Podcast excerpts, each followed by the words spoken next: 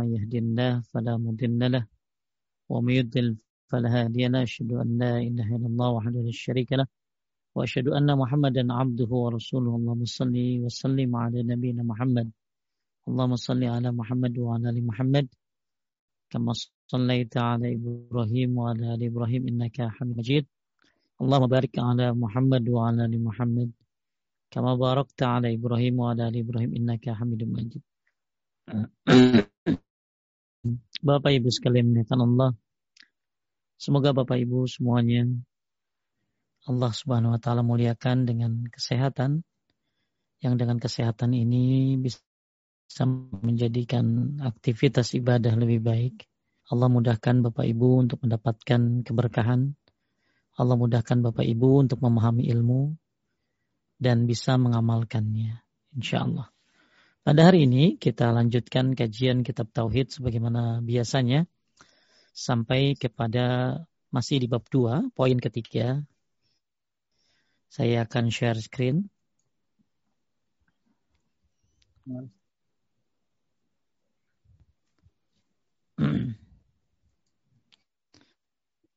Sekedap.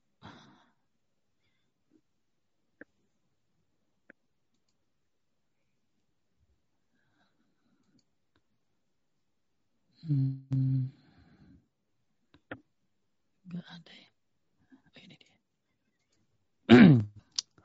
Kita akan membahas sekarang tentang amalan-amalan perisai neraka. Hmm. Ya, tauhid menyebabkan seseorang terhindar dari api neraka. Kita tentu tahu bagaimana indahnya surga dan dahsyatnya neraka. Dan kita tahu juga banyak di ayat-ayat Al-Quran, ya hadis Nabi SAW menjelaskan tentang neraka. Satu hal yang sangat-sangat menakutkan.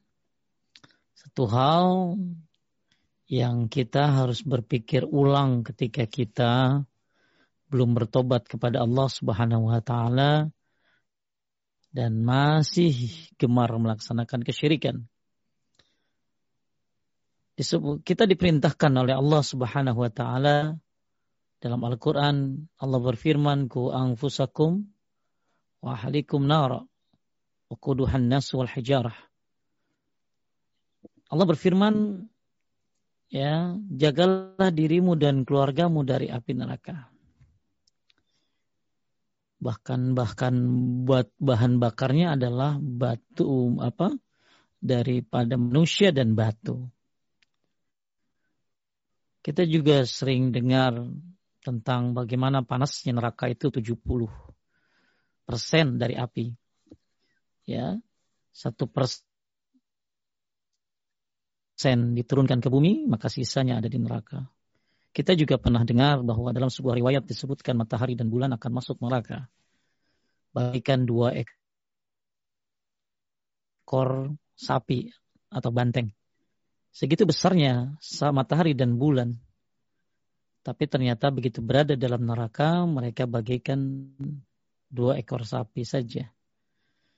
Kalau matahari dan bulan yang besar seperti itu, bagaikan matahari dan bulan yang sebesar seperti itu, di neraka bagikan sapi, bagaimana dengan kita? Berapa luasnya neraka? Disebutkan dalam hadis riwayat oleh Muslim, lahas sab'una alfa zumamin. Neraka itu memiliki 70 ribu tali. Wa min kulli minha sab'una alfa malikin yajurunha. Dan masing-masing tali itu ditarik oleh 70 ribu malaikat. Dan berbagai macam tentang cerita-cerita neraka dalam Quran dan Sunnah yang kita sudah tahu. Maka sekarang yang kita harus lakukan adalah Bagaimana agar terhindar dari neraka? Oleh karena itu kita masuk pada poin ketiga dari hadis ini kita akan coba terangkan secara secara gamblang, secara banyak. Salah satu amalan yang pamungkas, yang utama untuk menghindari dari api neraka, di antaranya adalah mentauhidkan Allah Subhanahu wa taala, menjauhkan diri dari kesyirikan. Baik kita coba baca. Secara khusus Rasulullah SAW telah menyebutkan berapa amalan sebagai benteng dari api neraka. Di antaranya adalah satu, boleh Kang Rashid dibantu? Uh, nomor satu, uh, mentauhidkan Allah Subhanahu Wa Taala dan menjauhkan diri dari kesyirikan. Inilah pokok keselamatan dari azab Allah uh, di dunia dan di akhirat. Tauhid adalah fondasi semua amalan. Amalan seseorang tidak akan diterima tanpa tauhid. Uh, disebutkan dalam sebuah hadis dari Muaz bin Jabal, beliau berkata, Uh, suatu saat saya dibonceng Nabi Shallallahu Alaihi Wasallam di atas uh, di atas keledai. Beliau Shallallahu Alaihi Wasallam bertanya, wahai wahai Muadz, saya menjawab, aku selalu menyambutmu. Beliau Shallallahu Alaihi Wasallam mengatakan hal itu tiga kali dan saya jawab tiga kali juga. Beliau mengatakan, tahukah engkau apa hak Allah Subhanahu Wa Taala atas para hamba? Saya menjawab tidak. Nabi mengatakan, hak Allah Subhanahu Wa Taala atas uh, hak Allah Subhanahu atas para hamba dalam mereka mengibadahinya dan tidak menyekutukannya dengan sesuatu pun. Kemudian beliau berjalan beberapa saat dan berkata, Wahai Mu'adz, dijawab, aku selalu menyambutmu. Beliau bertanya, tahukah kamu apa hak mereka dari atas Allah Subhanahu wa taala apabila mereka melakukannya? Allah Subhanahu wa taala tidak akan mengazab mereka. Dari hadis Al-Bukhari nomor 6267. Hadis Mu'adz radhiyallahu Bapak Ibu sekalian Allah hadis ini sudah pernah kita bahas di di bab 1 ya ini hadis tentang Mu'az. Saya mengingatkan kembali bahwa tauhid adalah menjadi sebab seorang dihindari dari azab Allah Subhanahu wa taala. Jadi Bapak Ibu sekalian melihatkan Allah, ini hadis ya sudah kita bahas. Kemudian Bapak Ibu masih ingat ya. Jadi Intinya hak Allah ala ibad an ta'buduhu wa la tusyriku bihi syai'a. Hak Allah dari hamba adalah engkau tidak menyekutukannya. Sedangkan hakul ibad Allah, hak seorang hamba dari Allah adalah Allah tidak akan mengazab. Allah tidak akan mengazab mereka orang-orang yang tidak menyekutukannya. Hadis Mu'az di atas menunjukkan betapa pentingnya seorang memberikan curahan waktu dan upaya untuk mengenal tauhid dan syirik. Kemudian mengamalkannya sepanjang hayat. Seorang muslim harus memahami dengan benar hal-hal yang membahayakan tauhidnya dan menyemburkan pohon tauhid dalam hatinya. Jadi kita sebagai seorang muslim harus tahu gimana caranya agar mengenal tauhid dengan baik. Ya, menyuburkan pohon tauhid tersebut dalam hatinya. Saya sering bilang orang belajar tauhid seperti dia membenahi jantungnya. Ketika jantungnya bagus, insya Allah seluruh tubuhnya bagus. Dan dia harus belajar tentang tauhid agar terhindar dari kesyirikan. Maka tidak ada jalan lain untuk mendapatkannya kecuali dengan terus meminta kepada Allah dan menempuh sebab-sebabnya di antara adalah menuntut ilmu tauhid. Ini hadis sudah pernah kita bahas. Nah, hadis yang menjadi poin ketiga kita di bab dua adalah hadis di bawah ini. Dalam hadis muttafaqun alaih dari Ibn bin Malik bin Amr bin Ali uh, bin Al-Ajlan Al-Ansari Rasulullah sallallahu alaihi wasallam bersabda, "Inna Allah harrama 'alan nar man qala la ilaha illallah yabtaghi bidzalika wajh Allah." Kata Nabi sallallahu alaihi wasallam sesungguhnya Allah mengharamkan dari neraka haram dari neraka bagi siapa yang mengucapkan la ilaha illallah yang dengannya mengharap wajah Allah. Jadi ini ada ini nih ya mengucapkan la ilaha illallah ya yabtagi bizalika wajah Allah, tapi mengucapkannya dengan mengharap wajah Allah. Jadi bukan hanya ngucapin, tapi harus ngucapinnya mengharapkan wajah Allah. Ini adalah hadis yang akan kita bahas uh, setelah hadis Muaz bin Jabal radhiyallahu an yang tadi sudah saya baca dan itu sudah kita lalui di bab satu. Nah di bab dua ini salah satu sebab seorang dihindarkan dari semua kita selalu pengen terhindar dari api neraka ya. Sampai kita berdoa Allahumma inna nas'alukal jannah wa na'udzubika minan nar. Ya, kita baca itu bahkan itu adalah doa sebelum salam. Ya Allah, aku berharap kepadamu untuk masuk surga dan aku berlindung kepadamu dari api neraka. Seringkali kita minta perlindungan kepada Allah dari api neraka. Kita baca Allah majirna minan nar atau Allah majirni minan nar. Banyak doa-doa ya Sampai sampai doa pamungkas yang sering dibaca Rabbana atina fid dunya hasanah wa fil akhirati hasanah wa qina azabannar. Maka salah satu cara untuk terhindar dari aman diri neraka yang begitu besar, yang begitu luar biasa. Ya, yang penjaga-penjaganya ya sangat bengis. Maka tauhid adalah solusinya. Dan hadis Muaz adalah jawabannya.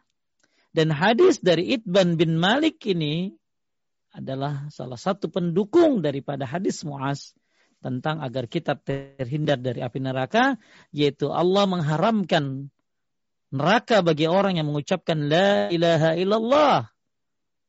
Akan tetapi ya yang dengan mengucapkan itu dia mengharapkan wajah Allah. Mari kita bahas daripada hadis yang diwetkan oleh Bukhari dan Muslim dari Ibn bin Malik ini. Lanjut Kang.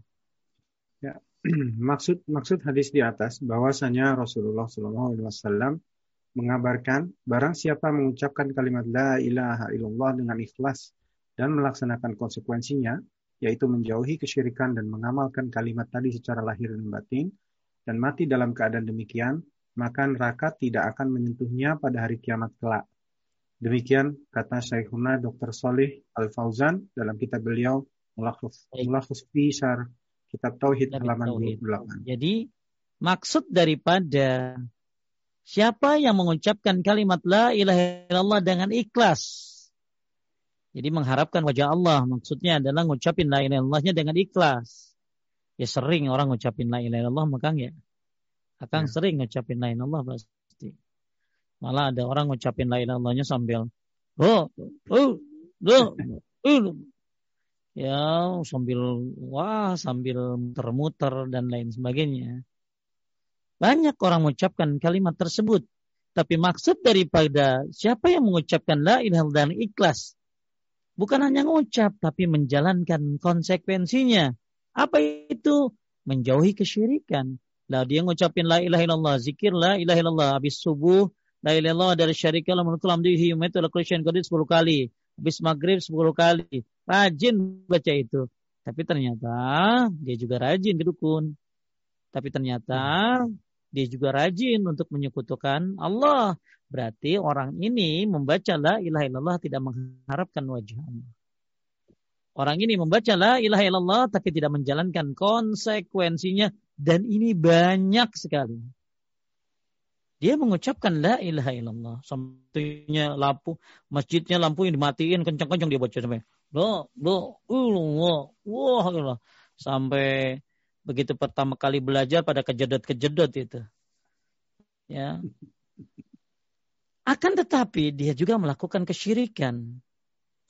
Jadi konseku, jadi orang yang mengucapkan la ilaha illallah dan menjalankan konsekuensinya, nah itu yang diharamkan di neraka.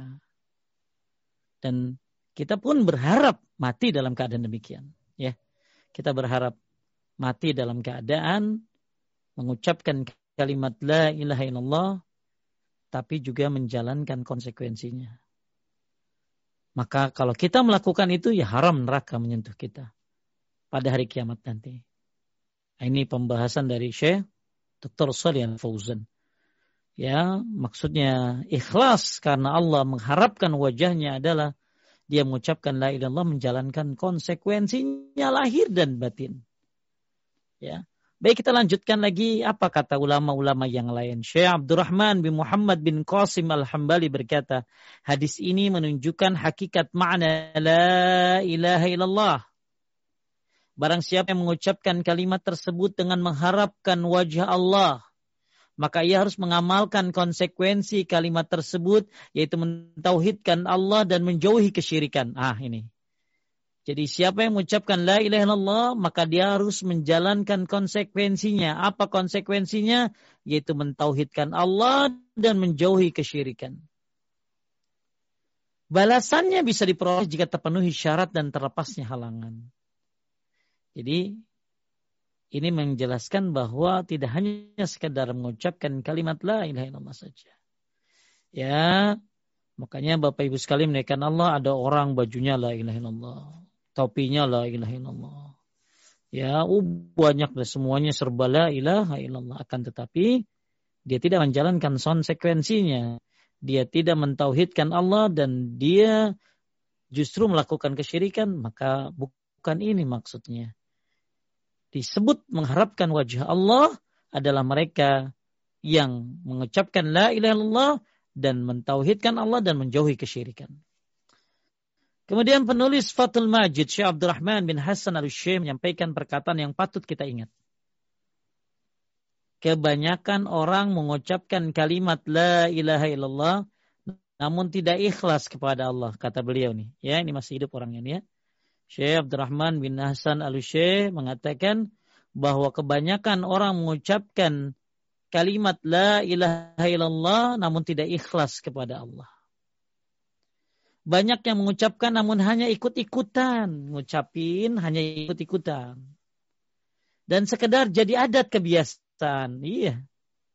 Ya bagus ya punya kebiasaan. La ilaha illallah itu afdalul hasanat loh ya. Ya. Uh, apa Nabi Shallallahu Alaihi Wasallam menyuruh kepada Abu Zar untuk mengucapkan la ilaha illallah yang maksudnya menutup perbuatan dosa dengan kebaikan. Maka Abu Zar berkata, apakah bukanlah apakah la ilaha itu has, uh, kebaikan? Maka Nabi bilang, afdalul hasanat. Mengucapkan kalimat la ilaha illallah adalah sebaik-baik kebaikan. Ya. Maka kalimat la ilaha illallah itu begitu agung. Tapi sayang, kenapa hanya di lisan saja? Kenapa la ilaha illallah yang dia ucapkan tidak ada konsekuensinya? Dia mengucapkan la ilaha illallah akan tetapi dia juga menyekutukan Allah. Oleh karena itu kata Syekh Abdurrahman bin Hasan al Syekh banyak orang mengucapkan kalimat la ilaha illallah namun tidak ikhlas kepada Allah. Banyak yang mengucapkannya namun hanya ikut-ikutan, cuma ikut-ikutan doang dan sekedar jadi adat kebiasaan. Namun tidak pernah dirasakan lezatnya iman di hati kalau keluar di lisan.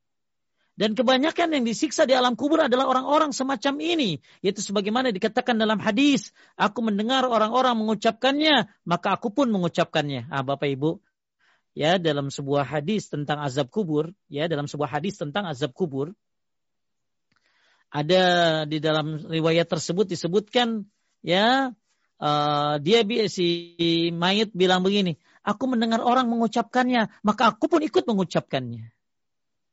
Jadi banyak orang kata Syekh Abdurrahman Hasan al bahwa banyak orang mengucapin kalimat la ilaha illallah hanya sekedar ikut-ikutan berdasarkan hadis ini. Dan ada orang mengucapin la ilaha illallah hanya sekedar kebiasaannya saja. Tapi tidak menjalankan konsekuensinya.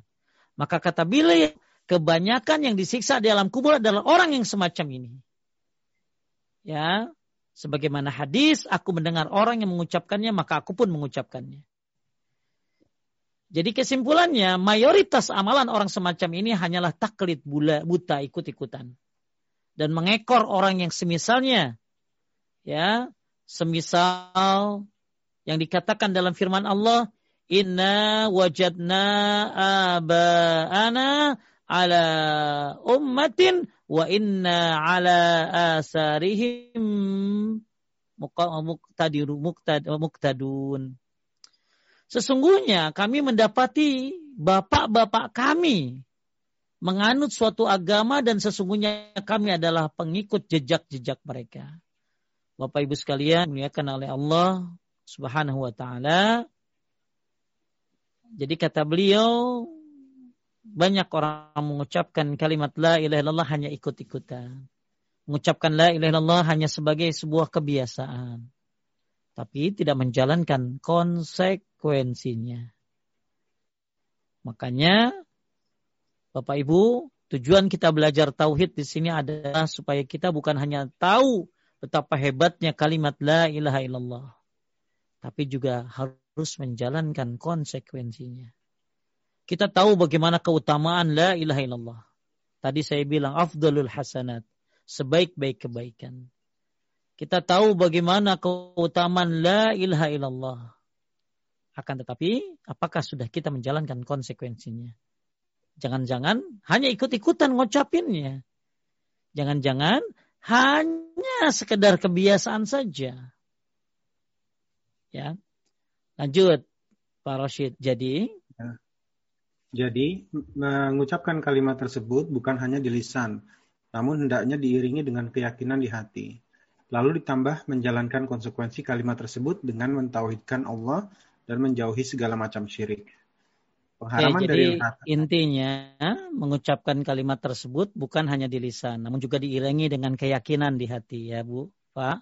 Jadi bukan hanya la ilaha illallah, tapi di hati juga diiringi dengan keyakinan. Ditambah menjalankan konsekuensi. Jadi yang namanya iman itu bukan hanya perkataan aku beriman, tapi keyakinan juga di dalam hati dan dijalankan dengan konsekuensi ya dalam apa dalam perbuatannya. Ya, jadi Bapak Ibu sekalian yang dimuliakan Allah, mudah-mudahan Bapak Ibu ya sering mengucapkan la ilaha illallah. Ya, akan tetapi juga bukan hanya di lisan tapi di keyakinan. Dan kemudian dalam perbuatannya meninggalkan kesyirikan dan mentauhidkan Allah Subhanahu wa taala. Selanjutnya Kang, pengharaman pengharaman dari pengharaman dari neraka ada dua bentuk. Diharam, pertama diharamkan masuk neraka secara mutlak dalam arti dia tidak akan pernah masuk neraka sama sekali. Boleh jadi dia mempunyai dosa, kemudian Allah mengampuninya, atau dia termasuk golongan orang-orang yang masuk surga tanpa hisap dan tanpa azab. Yang kedua, diharamkan Amin. masuk neraka ya, dalam arti yang mana, Ya. Nah, hmm. Lanjut ya. ya. Lanjut. Iya diharamkan kekal masuk neraka dalam arti dikeluarkan dari neraka setelah sempat dimasukkan ke dalamnya selama beberapa waktu. Makna diharamkannya masuk neraka dalam hadis di atas mencakup dua bentuk ini. Tadi barang siapa yang mengucapkan kalimat la ilaha illallah ya disebutkan ya bahwa Allah mengharamkan neraka bagi orang yang mengucapkan la ilaha illallah tapi mengharap mengharapkan dan mengharapkan wajah Allah. Ya. Uh, pengharaman maksudnya mengharap. Jadi siapa yang la ilaha illallahnya di lisan? Siapa yang la ilaha illallahnya di hati? Siapa yang la ilaha illallahnya dalam perbuatan, menjalankan konsekuensinya, dia jalankan tauhid, dia jauhi kesyirikan, maka Allah Subhanahu wa taala akan haramkan dia dari neraka. Maka pengharaman dari neraka ini ada dua bentuk. Satu, benar-benar diharamkan secara mutlak dalam arti tidak akan pernah masuk neraka sama sekali. Ya, mudah-mudahan kita seperti itu. Amin. Tidak dimasukkan neraka walaupun sedikit pun. Amin. Ya, boleh jadi dia punya dosa, ya banyak dosa kita kan, tapi Allah mengampuni dengan sebab tauhid kita. Ya, bisa jadi Pak Rashid dan orang-orang yang ada di Paduka masuk surga tanpa hisab dan tanpa azab. Amin. Ya. Jadi pengharaman dari neraka ini ada dua bentuk tadi. Bisa masuk surga tanpa hisap, tanpa azab, atau punya dosa tapi dimaafkan sehingga akhirnya masuk surga, atau benar-benar diharamkan dari neraka secara mutlak. Tapi maksud pengharaman yang kedua adalah maksudnya dia diharamkan kekal dalam neraka. Jadi dia masuk neraka tapi nggak abadi. Ya mudah-mudahan kita tidak tidak nomor dua ya apalagi naudzubillah min kalau sampai kayak orang-orang kafir. Jadi Bapak Ibu sekalian yang dimuliakan oleh Allah Subhanahu wa taala, ya, kita coba sedikit saya ulangi sebelum kita bahas pembahasan yang lain bahwa uh, kita sering dengar basyatnya neraka dan lain sebagainya. Pintu-pintunya, azab-azabnya Masya Allah. Ya, maka ada amalan-amalan yang bisa menghindari kita dari dahsyatnya neraka tersebut. Salah satunya mentauhidkan Allah Subhanahu wa taala sebagaimana hadis siapa tadi? Muaz bin Jabal yang dibonceng oleh Nabi. Dan Nabi berkata apa hak Allah dari manusia, apa hak manusia dari Allah. Hak Allah ala ibad an ta'budu wa la tusyriku bihi syai'a. Hak Allah dari manusia adalah engkau tidak menyekutukannya. Dan hak kamu dari Allah adalah Allah tidak akan mengazab kamu. Maka hadis ini menjadikan dalil bahwa kita akan selamat dari azab Allah Subhanahu wa taala apabila bertauhid kepada Allah tidak menyekutukannya.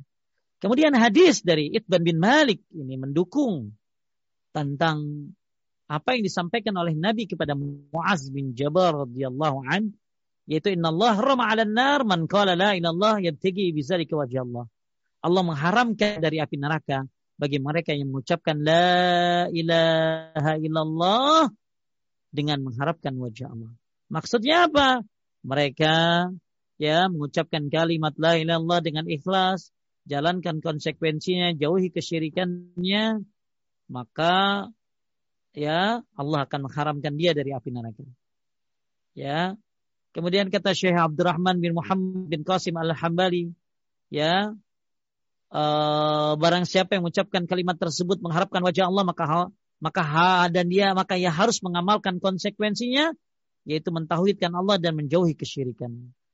Kemudian kata Syekh Abdurrahman tadi ya banyak orang mengucapkan la ilaha illallah tidak ikhlas. Orang ngucapin la ilallah ikut-ikutan doang. Orang ngucapin la ilallah hanya kebiasaan doang. Dia tidak mengamalkannya dan dia tidak menjalankan konsekuensinya. Ya. Oleh karena itu Bapak Ibu sekalian dimuliakan Allah, hendaklah kita semuanya rajin mengucapkan kalimat la ilaha illallah. Akan tetapi bukan hanya di lisan mengucapkannya, tapi juga dalam keyakinan, kemudian juga ya uh, dalam perbuatannya atau konsekuensinya. Baik kita lihat fawaid daripada hadis tadi. Boleh kan? Ya, beberapa faedah yang bisa digali dari hadis di atas. Yang pertama, menunjukkan keutamaan orang yang bertauhid dan tidak berbuat syirik, bahwasanya ia akan diselamatkan dari siksa neraka dan juga dan juga dihapuskan dari dosa. Amin. Bapak Ibu kan sebagaimana dalam sebuah hadis ya disebutkan Ya bena Adam law ataitani bi qarabil ardi khataya summa lakitani la tusyrik bi syai'a la taituka bi qarabiha maghfirah wahai anak Adam.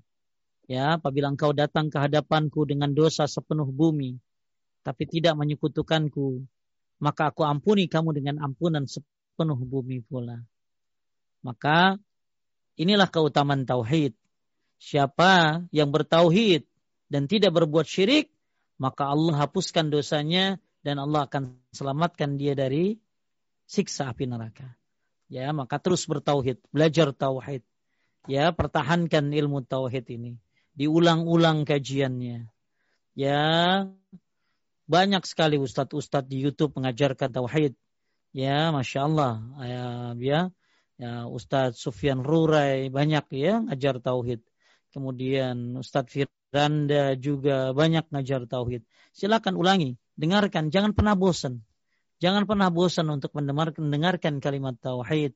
Jangan pernah bosan untuk belajar uh, tauhid walaupun diulang-ulang terus. Ya, walaupun diulang-ulang terus. Sampai ya, sampai benar-benar yakin ya, sampai benar-benar bertambah kecintaanmu kepada Allah Subhanahu wa taala dan tambah kau menjauhkan dari kesyirikan. Maka terus belajar. Kalau yang rajin malah ngapalin tuh dari buku yang ada di iklannya Kang Roshid tuh. Ya, dihafalkan, dibaca berulang-ulang. Jangan pernah bosan. Karena ini adalah kunci surga. Tauhid ini adalah kunci surga. La ilaha illallah adalah kunci surga. Akan tetapi kunci ini ada gigi-giginya. Maka siapa yang kunci saja tidak ada gigi-giginya tidak akan terbuka pintu surga itu. Maka gigi-giginya adalah ya dengan mempelajari tauhid, syarat-syarat la ilaha illallah, rukun-rukun la ilaha illallah yang sebagaimana telah saya sebutkan, ilmu, yakin, ikhlas, jujur, patuh, cinta, menerima. Ya. Jadi poin yang pertama ya barang siapa uh, ini menjelaskan tentang keutamaan orang yang bertauhid dan tidak berbuat syirik maka diselamatkan dari neraka dan dihapuskan dosa-dosanya insya Allah. Yang kedua, ya, yang yang kedua iman tidaklah cukup dengan ucapan, namun namun harus diiringi dengan etikon atau keyakinan dalam hati. Jika hanya diucap saja, tidak dibatin, maka itu sama halnya dengan orang munafik. Ya, orang-orang munafik. Ya, mereka lisan saja ya. Orang-orang munafik ini tidak jujur dia. Maka salah satu syarat la ilaha illallah adalah jujur, kejujuran. Karena orang munafik ini tidak jujur. Dan yang nama iman tidak cukup hanya dengan ucapan. Tapi juga dengan keyakinan dalam hati. Ya, dan juga tadi ya dilanjutkan dengan perbuatan. Maka jangan sampai kayak orang munafik. Orang-orang munafik hanya di lisan saja, tapi tidak dalam keyakinannya. Ya, berarti iman itu ada uh, ada ada diucapkan dengan lisan, ya kemudian diyakini dengan hati, kemudian dilakukan dengan perbuatan. Kemudian yang ketiga. yang ketiga, iman juga tidak bermanfaat jika hanya itikad atau keyakinan di hati tanpa ada ucapan sebagaimana keadaan orang-orang jahit yang menentang. Nah, sebaliknya kalau tadi kan iman, iman di lisan saja. La ilaha illallahnya di lisan saja. Ya, tapi tidak di keyakinan tidak di batin. Nah, ada lagi imannya di batin, tapi tidak di lisan. Ya, ini juga salah. Ya, jadi iman di lisan, di hati, dan di perbuatan. Kemudian yang keempat. Yang keempat, neraka haram bagi orang yang memiliki tauhid yang sempurna. Ya, Masya Allah. Mudah-mudahan yuk kita sempurnakan ya. Kita sempurnakan dengan belajar tauhid ini. Ya, pelan-pelan ya Pak. Ya, kalau pengen hatam sih kali pertemuan satu bab aja. Tapi ya, tapi kagak ngerti nanti. Ya, pelan-pelan ya. Karena kadang-kadang orang tuh ya demen banget hatam gitu ya. Demen banget hatam tapi kagak ngerti gitu. Ya, sampai dengan bangganya udah hatam, udah hatam tat, udah hatam. Boleh saya tanya enggak? Ada anak muda bilang, saya ngaji Fatul Majid tat. Wih, hebat orang ngaji kita Fatul Majid ya syekh Boleh nggak saya tahu satu ayat atau satu hadis yang ada di dalam kitab tauhid tersebut? Nggak bisa nyebutin ya? Ini orang demen hatam gitu loh ya, demen hatam. Yang penting hatam, tapi baca Qurannya kagak bener. Ya, sampai hatamnya diakal-akalin. Kamu baca juz satu ya, kamu baca juz dua ya, kamu baca juz tiga ya, kamu baca juz empat ya. Nanti hari Jumat kita ketemu, kita hataman. Ya dapat pahala, cuman nggak hatam kan kayak gitu. Jadi pelan-pelan lah. Ya. Kita pelan-pelan ya uh, mengamalkan tauhid ini ya sabar untuk memahaminya ya dan jangan bosan ya karena kita sedang mempelajari salah satu cara ya untuk masuk surga dan terhindar dari api neraka. Kemudian yang kelima, amal tidaklah bermanfaat jika tidak diiringi dengan ikhlas mengharap wajah Allah dan mengikuti sunnah Rasulullah Sallallahu Alaihi Wasallam. Ini sudah kita bahas lebih lanjut. Faman kana yarjulika rabbih falyamal amalan salihan wala yusyrik wala yusyrik bi ibadati rabbih ahada. Tidak bermanfaat amal ya tanpa keikhlasan. Maka belajar keikhlasan itu ya mengharapkan wajah Allah Subhanahu wa taala. Kemudian yang keenam, lanjut Kang. Ya. Barang siapa mengucapkan kalimat la ilaha illallah, namun ia beribadah kepada selain Allah, sebagaimana hal, halnya ibadah kuburiyun, maka tidak bermanfaat kalimat tersebut. Ya, ya, satu sisi dia mengucapkan kalimat la ilaha illallah. Satu sisi dia mengaku dia bertauhid kepada Allah, tapi satu sisi juga dia juga menyekutukan Allah, maka tidak manfaat kalimat tersebut. Tidak manfaat kalimat la ilaha illallah tersebut kalau tidak dibarengi dengan perbuatannya, ya, konsekuensinya. Ketujuh, Allah memiliki sifat wajah yang layak bagi Allah sesuai dengan kemuliaan dan keagungannya. Ya, inilah poin yang pertama amal-amal yang menghindari kita dari api neraka. Nggak ada yang naruh tauhid di nomor dua, nggak ada, Kang. Hmm. Selalu tauhid itu ditaruh nomor satu. Gak ada tauhid ditaruh nomor tiga, apalagi nomor tujuh. Gak ada. Semua selalu ditaruh nomor satu. Karena memang ini yang terpenting dan yang terutama. Ya, mudah-mudahan uh, paham tentang poin yang pertama agar diharamkan dari api api neraka itu dengan tauhid. yaitu dengan mengucapkan kalimat la ilallah ya dan juga dengan keyakinan dan menjalankan konsekuensinya bertauhid dan menjauhkan dari kesyirikan. Hati-hati ngucapin la ilallah hanya sebagai suatu kebiasaan. Ya, hanya sebagai ikut-ikutan saja. Hati-hati ya mengucapkan la ilaha illallah akan tapi dia juga ternyata menyembah kepada selain Allah. Kemudian yang kedua, agar kita diharamkan dari api neraka. Poin yang kedua setelah tauhid adalah menjaga salat lima waktu beserta syarat rukun dan kewajibannya seperti wudhu, ruku dan sujud. Dalil bahwa amal ini termasuk benteng neraka adalah sabda Rasulullah sallallahu alaihi wasallam, "Man hafaza 'ala salawatil hams ala wudu'iha wa mawakitiha wa ruku'iha wa sujudiha baroha haqqan alaihi hurima ahurrima 'alan nar ya. Barang siapa menjaga salat waktu menjaga wudunya menjaga waktu-waktunya menjaga ruku-rukunya dan menjaga sujud-sujudnya yakin bahwa salat adalah hak Allah atasnya dia diharamkan dari neraka. Diriwayatkan oleh Ahmad dari Hanzalah al-Asadi radhiyallahu anhu. Ini poin yang kedua, sholat ya. Ya, kita karena ada orang bilang begini Kang sama saya Pak Ustad, ada orang bertauhid tapi kagak sholat gimana tuh Tat? Ini eh, orang nggak mungkin kalau tauhidnya benar kagak sholat tuh, coy. Ya, Orang pasti kalau tauhidnya bagus, pasti dia bakti sama orang tua. Orang kalau tauhidnya bagus, pasti dia sholat. Orang kalau tauhidnya bagus, pasti dia menjalankan segala perintah-perintah Allah. Pernah ada orang bertanya kepada saya dalam sebuah kajian ya tentang Ustaz, apa yang harus saya lakukan supaya saya mem untuk memulai sesuatu? Apakah saya harus dari akhlak dulu, dari sholat dulu, atau dari mana? Maka saya sarankan Anda mulai dari tauhid dulu.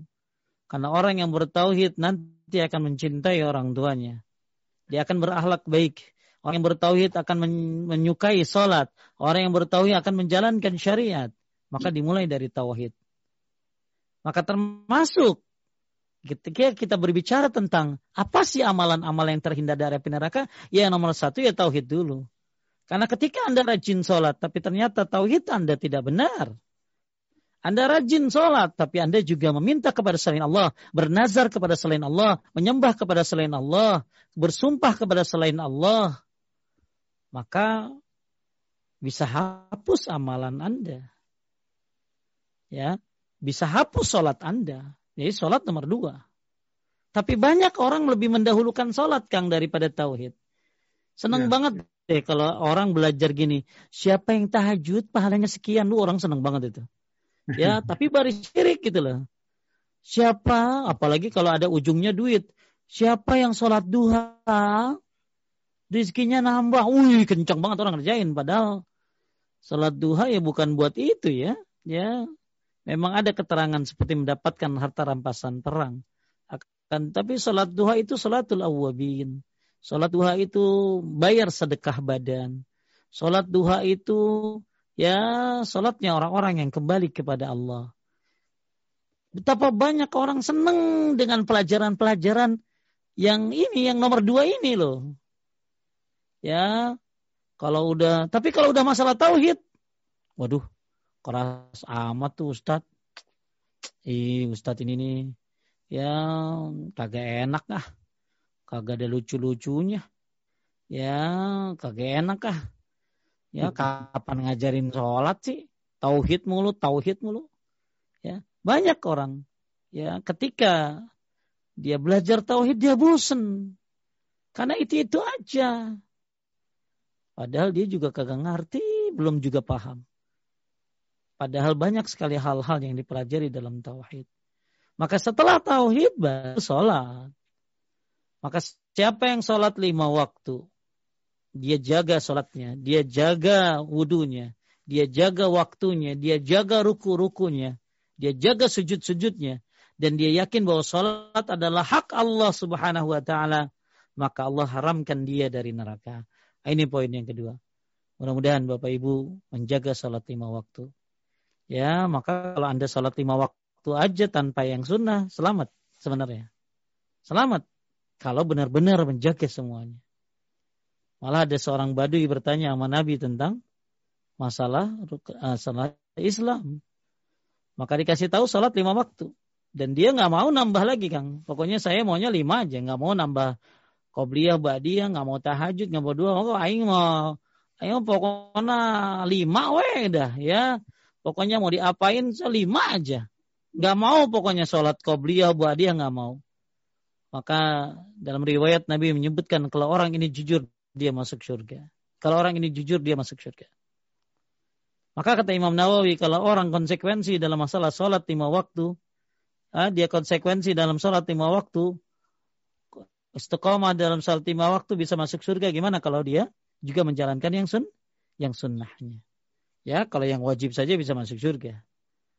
Maka kalau bapak ibu mau ya qobliyah dia tahajud silakan ngerjain. Kalau nggak mau ya sudah anda uh, lakukan yang wajib saja dan jaga waktunya, jaga wudhunya, jaga uh, ruku-rukunya, jaga sujud-sujudnya. Ya, tuma'aninah dalam mengerjakannya. Ya, maka Allah haramkan Anda dari api neraka. Ini poin yang kedua.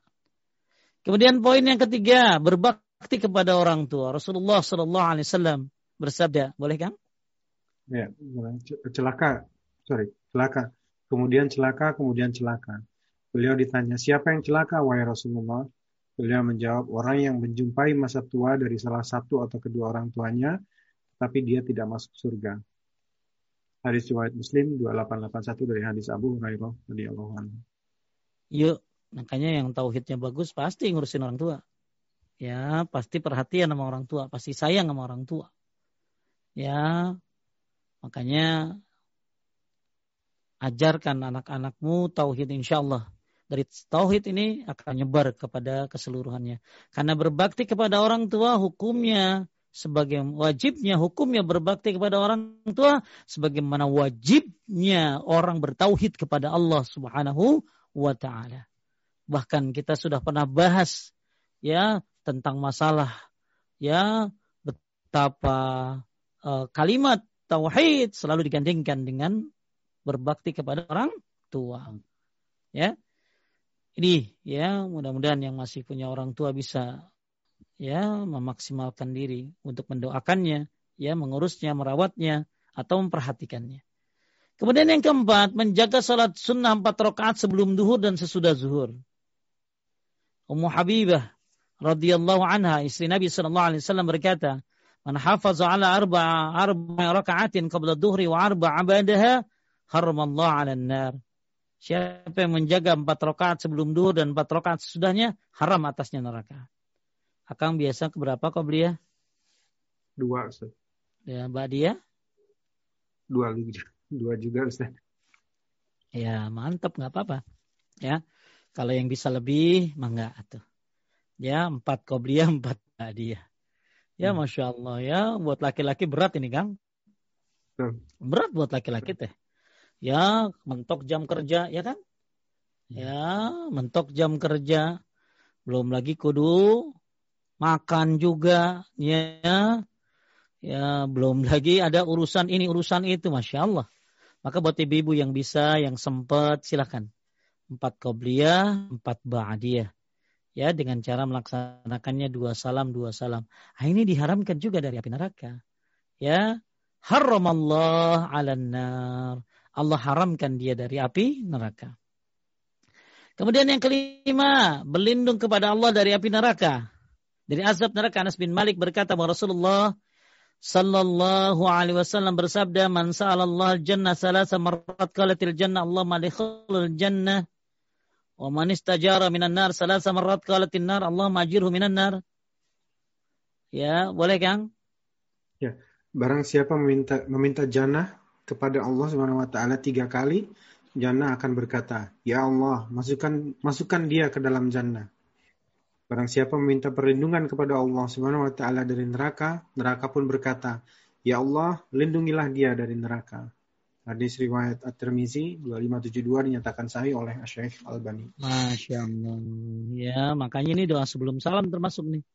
Allahumma inni as'aluka al-jannah wa a'udzubika minan nar. Ya, kalau mau baca ini tiga kali boleh diulangi sampai tiga kali. Maka surga berkata dekatkan aku, neraka berkata jauhkan aku, masya Allah. Ya ini amalan juga. Kalau bisa kerjain semuanya dah, ya kerjain semuanya. Hal-hal yang menjauhkan kita dari neraka kerjain semuanya. Hal-hal yang mendekatkan kita kepada surga kerjakan semuanya. Ya, Kemudian di antara doa yang lain agar dihindari dari api neraka adalah Allahumma inni a'udzubika min adzabi jahannam min adzabil qabri min fitnatil mahya mamat min syarri fitnatil masiihid dajjal. Coba ada yang res, uh, ada nggak yang hafal? Bisa nggak saya tanya nih? Coba Kang pilih Kang yang dari luar negeri. Hafal nggak doa ini Kang? Ya Allah ini a'udzubika min azabinnar. Ayo. Ada nggak yang raise hand Kang? Yang ada. dari luar negeri ya? Dari ada siapa? Ada. Boleh dong saya dengar. Ya, doa. Ya. Belum belum ada yang angkat tangan nih, Ustaz. Belum ada yang angkat tangan. Jung, ayo. Oh, ada yang nih dari satu luar dari negeri. iPhone Van Ali silahkan di ask Ya, silahkan di unmute. Dari mana itu? Ini dari Belanda kelihatannya. Masya Allah. Saha? Oh, Silakan um, Bismillahirrahmanirrahim. Halo? Ya, silakan. Halo, ayo. Ibu, boleh silakan. Bu pengen tahu doanya apa enggak? Ayo. Uh, saya belajar pertamanya begini Ustadz. Allahumma so. ini aujubika min azabinar wa min azabil fil kober wa min fitnatil mahya wa mamat wa min fitnatil al masih dajjal.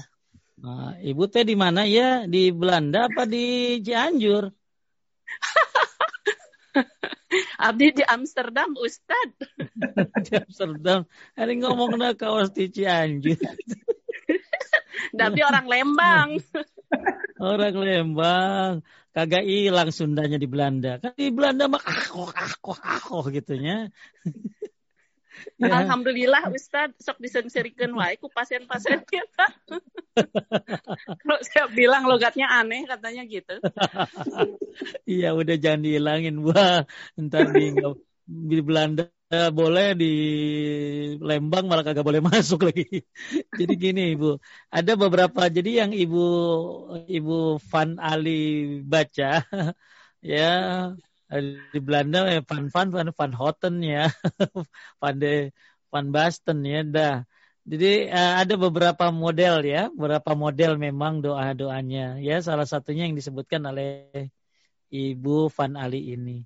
Ya, jadi boleh Ibu nggak apa-apa. Allahumma ini a'udzubika min adzabi jahannam wa min azabil qabr boleh didahuluin jahannamnya juga.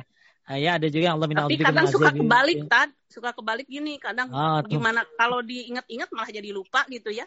Jadi harus spontan doa itu saya. Oh iya, spontan. Gitu. Asal spontan bener atunya, lain salah spontan. Nah. Ya, masya Allah. Biasanya gini. Kalau yang doa tadi apa enggak? Yang apa? Yang terhindar dari api neraka yang Allah ini as'alukal jannah ada? Apal? Belum itu Ustaz, baru dengar barusan makanya nanti mau tanya ah, kepada diapalkannya, diapalkannya. Allahumma ini as'alukal jannah wa a'udzubika minan nar. Allahumma ini as'alukal jannah wa a'udzubika minan nar. Tiga kali baca teh. Jadi kalau teteh baca tiga kali, maka surga berkata, dekatkan dia kepadaku. Ya, neraka berkata, iya. jauhkan dia dariku. Ya teh. Iya, Ustaz di, di, dipasihkan dipasihkan ka parasit ya Ustaz atau napi kak Mbak Fabiola. Siap. Siap nanti ke Bu Febi atau ke parasit nanti doanya ya. Tinggal teteh ngapalin ya. Ya, karena kalau diapalin iya. katanya jadi lupa. Iya harus ya. spontan gitu tadi. Spontan ya udah. tua. ya Bu, nuhun Bu, ya masya Allah luar biasa uh, dari Belanda. Ya ternyata sudah hafal doa-doanya. Mudah-mudahan yang di Indonesia lebih tentunya ya. Mudah-mudahan lebih hafal lagi insya Allah. Ya, Nah, tapi yang utama tauhid dulu ya, tauhid dulu yang utama. Jangan hafal doa ini tapi ternyata datang ke dukun we member ya. Ah itu mah cilaka tuh ya uh hafal doa doa ini doa itu tapi berobat kepengobatan yang kagak jelas, yang perdukunan. Naudzubillahi min dalik. Ya. Jadi Bapak Ibu sekali menaikkan Allah, ini poin yang kelima agar kita terhindar dari neraka setelah tauhid yang pertama tadi ya. Agar saya sengaja membahas ini lebih luas agar Bapak Ibu uh, bukan hanya uh, tauhid adalah sebab yang utama dan paling pertama. Maka amalan ini adalah bagian setelahnya ya, salat, berbakti kepada orang tua, kemudian tadi ya uh, menjalankan sholat sunnah empat rakaat ya sebelum dan sesudah duhur. Uh, saya apa mungkin ada dari ibu-ibu yang dari luar negeri udah bisa laksanain kopiah empat badiah empat ada tuh sahanya. Kira-kira udah udah ada yang pernah ngerjain belum? Qobliyah duhur empat, badiah duhur empat. Coba ada nggak? Ya. Belum ya, ada yang tangan kelihatannya Ustaz. ya. Coba. Apa nih, apa nih Ustaz? Ada ada yang japri ke saya nih barusan. Ah. Ini mau tanya singkat aja pertanyaannya tapi mungkin eh, ini tauhid itu apa Ustaz? ya, ya. Jadi Bapak Ibu mungkin baru kita bahas nggak apa-apa. Ya, tauhid ya adalah uh, kita ya uh, belajar tentang bagaimana mengesahkan Allah Subhanahu wa taala. Ya, bagaimana kita me menghindari daripada menduakan Allah. Ya, menghindari daripada meminta kepada selain Allah. Tauhid ya kita sedang belajar bukan hanya tauhid berarti kita oh Allah itu satu, bukan hanya itu. Tapi kita juga sedang belajar bagaimana konsekuensi tauhid. Ya, banyak orang yang tahu oh tauhid itu mengesahkan Allah. Tauhid itu ya uh, tidak ada sesembahan selain Allah. Tidak ada yang berhak disembah dengan benar kecuali Allah. Ya, akan tetapi kita tidak hanya belajar tentang uh, tauhid secara bahasa dan syariat saja, tapi juga kita belajar bagaimana konsekuensinya. Bagaimana menjalankan tauhid dengan benar, menjauhi dari kesyirikan-kesyirikan, bagaimana rukun-rukun daripada la ilaha illallah, bagaimana syarat-syarat dari la ilaha illallah. Dan apa saja sih keutamaan-keutamaan tauhid dan apa saja sih bahaya-bahaya syirik. Ini yang sedang kita pelajari. Jadi tauhid adalah sedang kita sedang belajar tauhid. Apa itu? Bagaimana mengesahkan Allah Subhanahu wa taala, menghindari daripada menyekutukannya dan juga pernak-perniknya dari berbagai macam uh, keutamaan-keutamaannya dan juga kita sedang uh, mempelajari pada hari ini ternyata salah satu sebab bertauhid adalah dihindari seseorang dari api neraka yaitu orang yang bertauhid kepada Allah akan dihindari dari azab Allah Subhanahu wa taala dan orang yang mengucapkan la ilaha illallah dengan ikhlas dari hatinya maka dia akan diharamkan dari api neraka. Baik, kemudian uh, poin yang selanjutnya yang kelima sudah. Kemudian yang keenam ya dekat lembut dengan kaum mukminin dan berakhlak mulia. Nah ini penting juga nih ya bahwa kita harus menjadi seorang yang akrab ya akrab. Menjadi seorang yang berakhlak mulia menjadi seorang mukmin. Dari Abdullah bin Mas'ud dia berkata bahwa Rasulullah sallallahu alaihi wasallam bersabda ala ukhbirukum biman yahrumu 'alan nar atau biman tahrumu 'alan nar ala kulli qaribin hayyin sahlin. Maukah ku kabarkan kepada kalian tentang siapa yang diharamkan atas neraka? Itu setiap muslim yang dekat ya akrab maksudnya. Ya, maka penting kita untuk menjadi pribadi yang supel, pribadi yang akrab, tidak jutek. Ya, masya Allah, jawab salam ya kagak. Ya, bawaannya yang gak enak aja. Akrab, ya, tenang, mudah, ya, lembut akhlak dan sifatnya. Maka ternyata untuk menghindari neraka, poin yang utama adalah tauhid. Tapi ini adalah poin-poin tambahannya. Dan diharapkan kita juga memiliki poin-poin tambahan ini. Ya. Bahkan Bapak Ibu sekalian dimuliakan Allah Subhanahu wa taala, ya. Salah satu keutamaan akhlak ya, ini tentang akhlak nih ya. Lembut dengan kaum mukminin dan berakhlak mulia. Ya, bahkan orang yang berakhlak ini bisa mengalahkan pahala orang yang tahajud, parasyid dan orang yang puasa di siang hari. Jadi orang yang berakhlak ini bisa mengalahkan pahala orang yang tahajud di malam hari dan orang yang puasa di siang hari. Makanya ini jadi alternatif nih, yang malas tahajud, yang malas puasa, maka berakhlaklah baik. Ya, jadi bagi yang malas tahajud, yang malas puasa, jadilah orang yang berakhlak baik. Yang lebih hebat lagi, udah tahajudnya rajin, puasanya rajin, juga dia termasuk orang yang berakhlak baik. Bahkan dalam sebuah hadis disebutkan ya, askalul mizanun mu'min yaumal qiyamah hulukun hasanun. Timbangan terberat seorang mukmin pada hari kiamat adalah akhlak yang baik. Timbangan terberat seorang mukmin pada hari kiamat adalah akhlak yang baik. Bahkan orang yang berakhlak baik akan dekat majlisnya nanti dengan Rasulullah Shallallahu Alaihi Wasallam. Ya, bahkan Nabi diutus ke muka bumi ini untuk ya uh, mengajarkan akhlak yang baik. Disalihin akhlak. Kemudian uh, bersedekah dan bertutur kata yang baik. Boleh Kang? Ya, uh, bersedekah dan bertutur kata yang baik. Adi bin Hatim radhiyallahu anhu berkata, suatu saat aku berada di sisi, di sisi Rasulullah SAW. Tiba-tiba datang dua lelaki.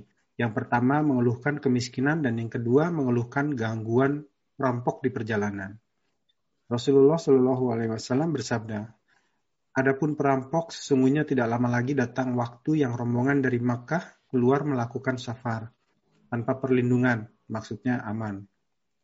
Adapun kemiskinan, ketahuilah sesungguhnya hari kiamat tidak akan tegak hingga datang saat salah seorang di antara kalian berkeliling hendak memberi sedekah, tetapi tidak dia dapati orang yang mau menerimanya.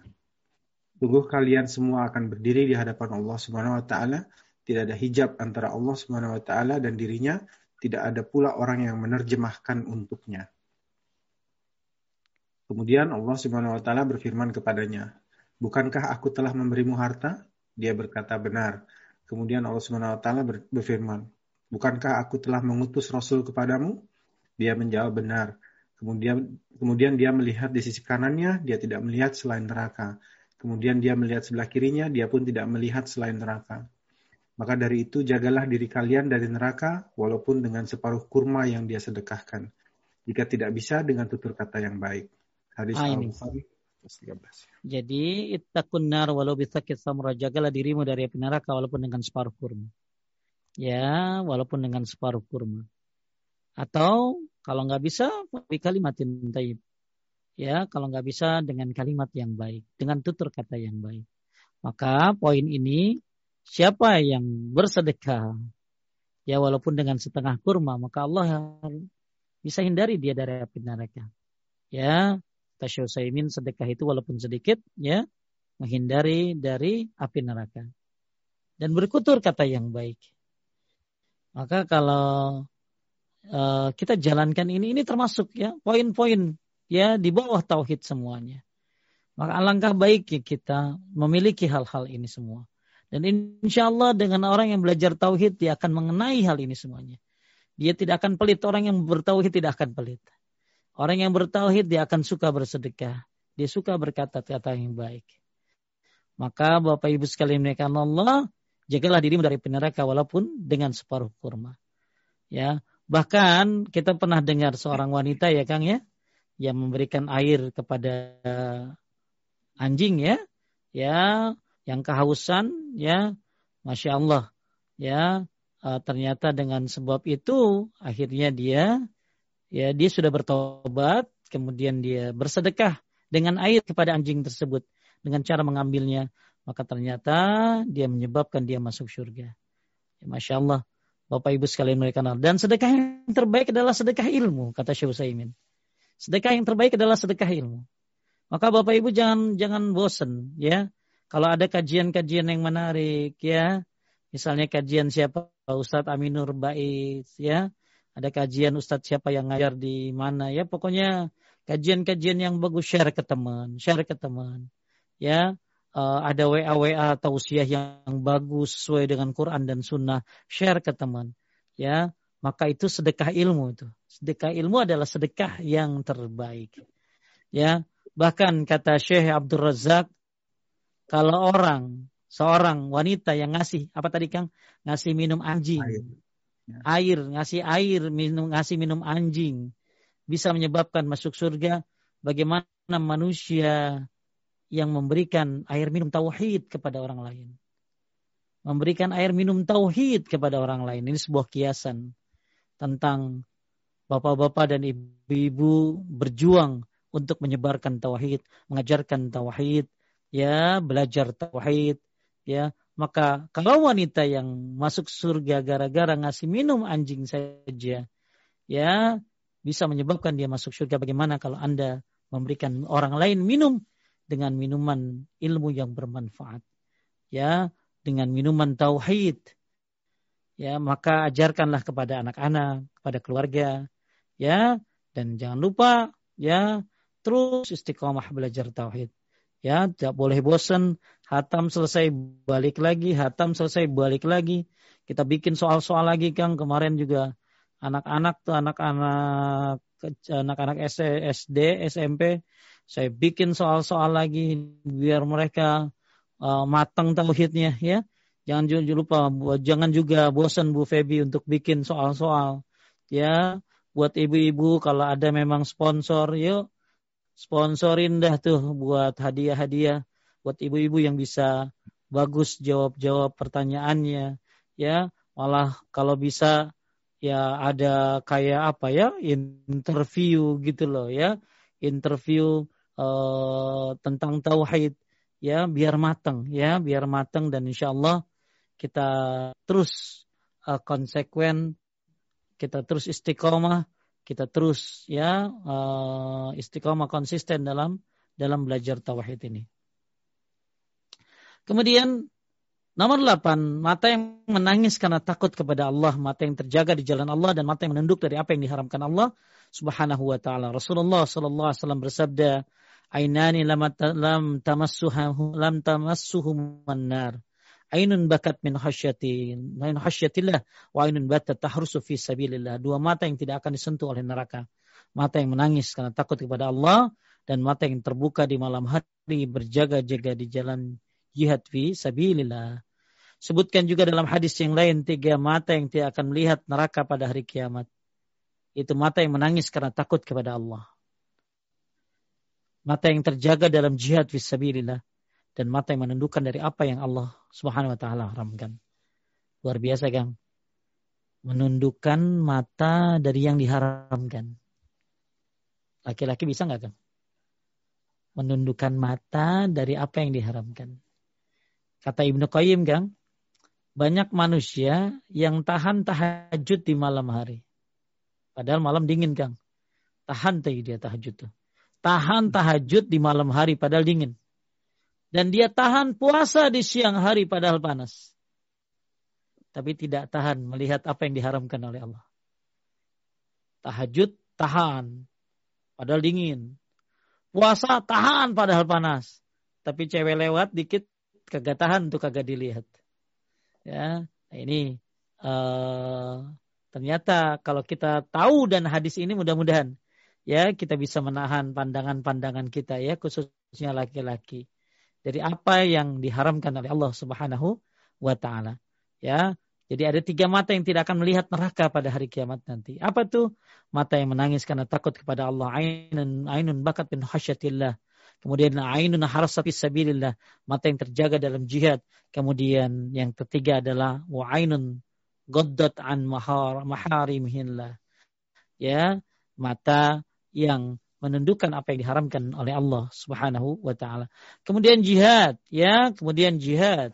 Ya, orang yang kedua kakinya dipenuhi debu karena berjihad di jalan Allah. Ya, Allah haramkan atasnya neraka.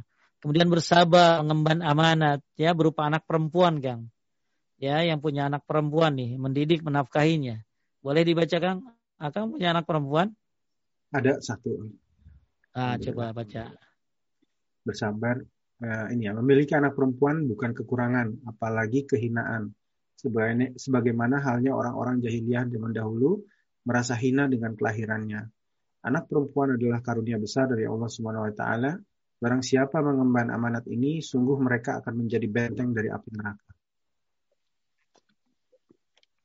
Rasulullah Rasulullah SAW bersabda, barang siap barang siapa memiliki tiga anak perempuan, kemudian dia bersabar atas mereka, memberikan makan, minum dan pakaian untuk mereka dari usahanya, sungguh mereka akan menjadi penghalang baginya dari api neraka pada hari kiamat. Tiga, Kang. Akang satu.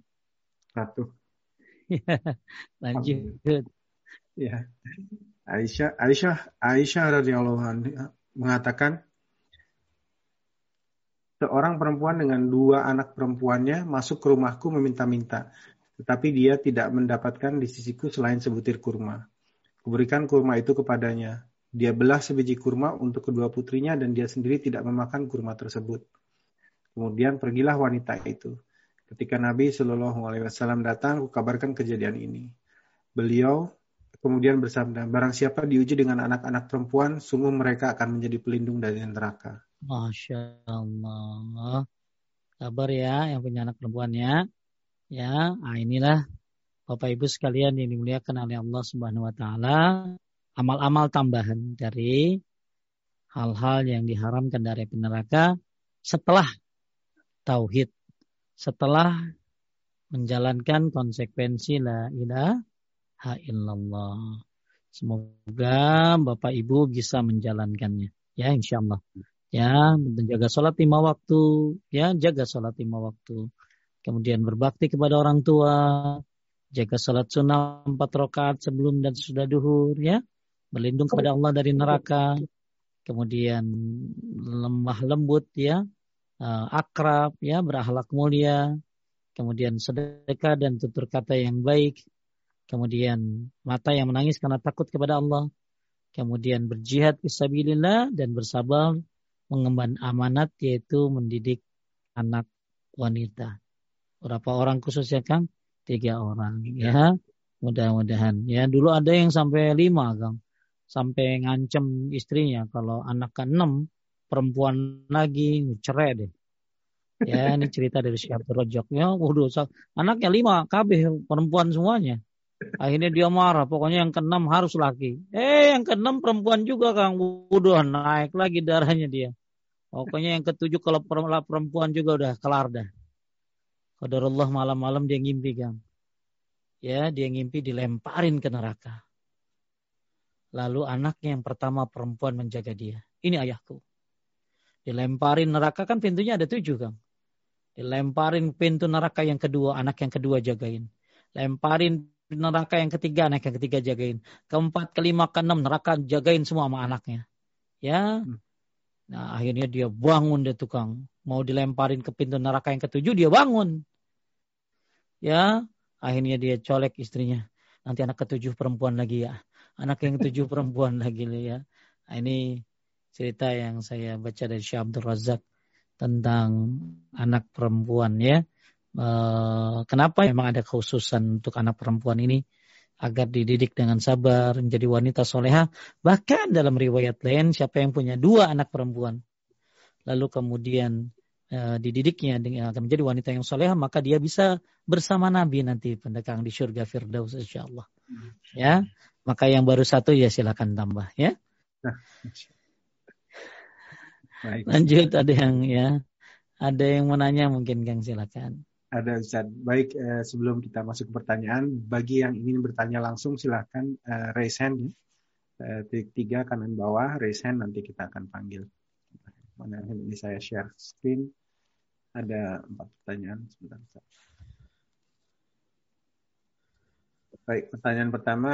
Assalamualaikum warahmatullahi wabarakatuh.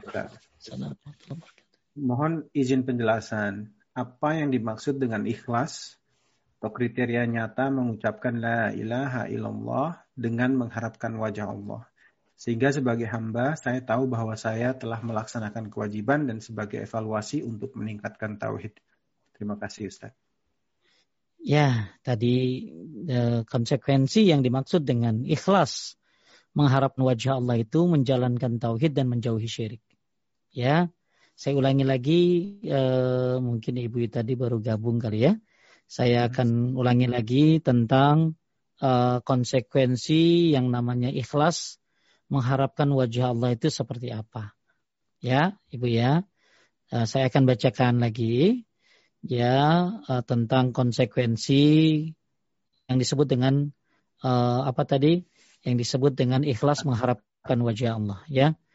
Jadi kata Syekh Fauzan ya, kata Syekh Fauzan ya yang dimaksud dengan konsekuensi ya atau mengharapkan wajah Allah, mengucapkan la ilaha illallah dan mengharapkan wajah Allah adalah yaitu uh, menjauhi kesyirikan, menjauhi kesyirikan dan mengamalkan kalimat tauhid tadi lahir dan batin.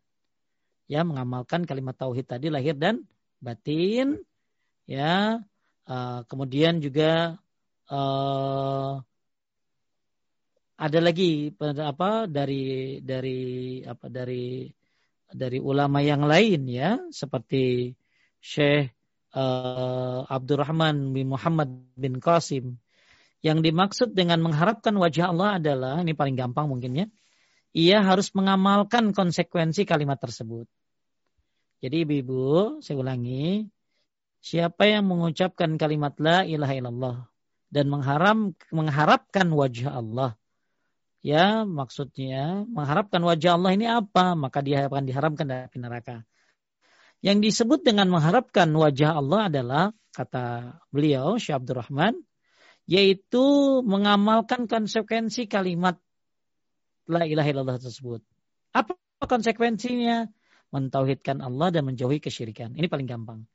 Jadi siapa yang mengucapkan la ilaha illallah dengan mengharapkan wajah Allah, maka dia diharamkan dari api neraka. Apa yang mengharapkan wajah Allah? Mentauhidkan Allah dan menjauhi kesy kesyirikan. Tambahan, jangan mengucapkan la ilaha illallah hanya sebagai ikut-ikutan saja atau kebiasaan saja. Tapi la ilaha illallah itu harus ada di lisan, harus ada di keyakinan, dan harus ada dalam perbuatan. Apa contoh dari perbuatan? Menjalankan tauhid dan menjauhi kesyirikan. Ya, itu paling mudah mungkin yang disebut dengan mengharapkan wajah Allah. Itu mentauhidkan Allah dan menjauhi kesyirikan. Itu aja Kang. Lanjut. Baik. Baik, berikutnya yang uh, bertanya langsung Mbak Tati, silakan Mbak di di unmute. Bismillahirrahmanirrahim. Assalamualaikum Ustaz. Waalaikumsalam warahmatullahi wabarakatuh. Eh, ini masalah yang biasa di sini, tapi saya tidak tahu bagaimana menyelesaikannya. Kalau kita kerja dan sedangkan kita menghadapi eh, pimpinan kita atau orang yang project manager atau siapa pun di dalam kantor, terus kita mau menundukkan karena bukan mahramnya. Ini betul-betul kurang ajar begitu loh, karena kita sudah ngomong kok tidak menghadap. Padahal ini kita tahu juga tidak boleh karena bukan mahramnya kita harus low the case. Solusinya gimana Ustaz? Ya. Oh iya, oh iya Bu Tati. jadi mungkin yang ditanya gimana cara um, ketika gini pandangan itu kan ada macam-macam ya kan ya ada pandangan yang disebut dengan pandangan syahwat mungkin ya ada pandangan syahwat, ada lagi pandangan pandangan yang sekilas saja. Ya, pandangan sekilas. Misalnya saya berhadapan dengan siapa misalnya ya, dengan Ibu Tati misalnya. Ya, saya akan memandang tapi ya mata saya enggak ke arah beliau, mungkin kosong mata saya gitu ya. Karena kan memang uh, tidak boleh memandang yang bukan mahramnya kecuali ya kecuali sekali saja. Dan sekalipun ya bukan sekali lama ya Kang ya. Sekali lama itu doyan namanya ya. Tapi uh, sekali sekali saja. Nah sekarang ketika uh, makanya ketika kerja ya ketika kerja ada adab-adab antara laki-laki dengan laki, perempuan ya. Ya dan uh, maksudnya ketika seorang bekerja tentunya uh, hindari. Ada beberapa hal makanya kalau perempuan kerja itu ada beberapa yang harus diperhatikan. Ya, jangan sampai ikhtilat ya. kecuali terpaksa ya dia dia susah untuk untuk menghindarinya maka dia coba untuk uh, makanya lebih baik perempuan di rumah kalaupun dia bekerja bekerja dari rumah kalaupun dia memang bekerja maka dia harus tahu syarat-syarat dari dari pekerjaannya ini di antara syarat-syaratnya adalah jangan jangan bercampur baur seperti itu. Kemudian juga kecuali dalam keadaan ini ya terpaksa mungkin dia tidak bisa untuk menghindarinya ya.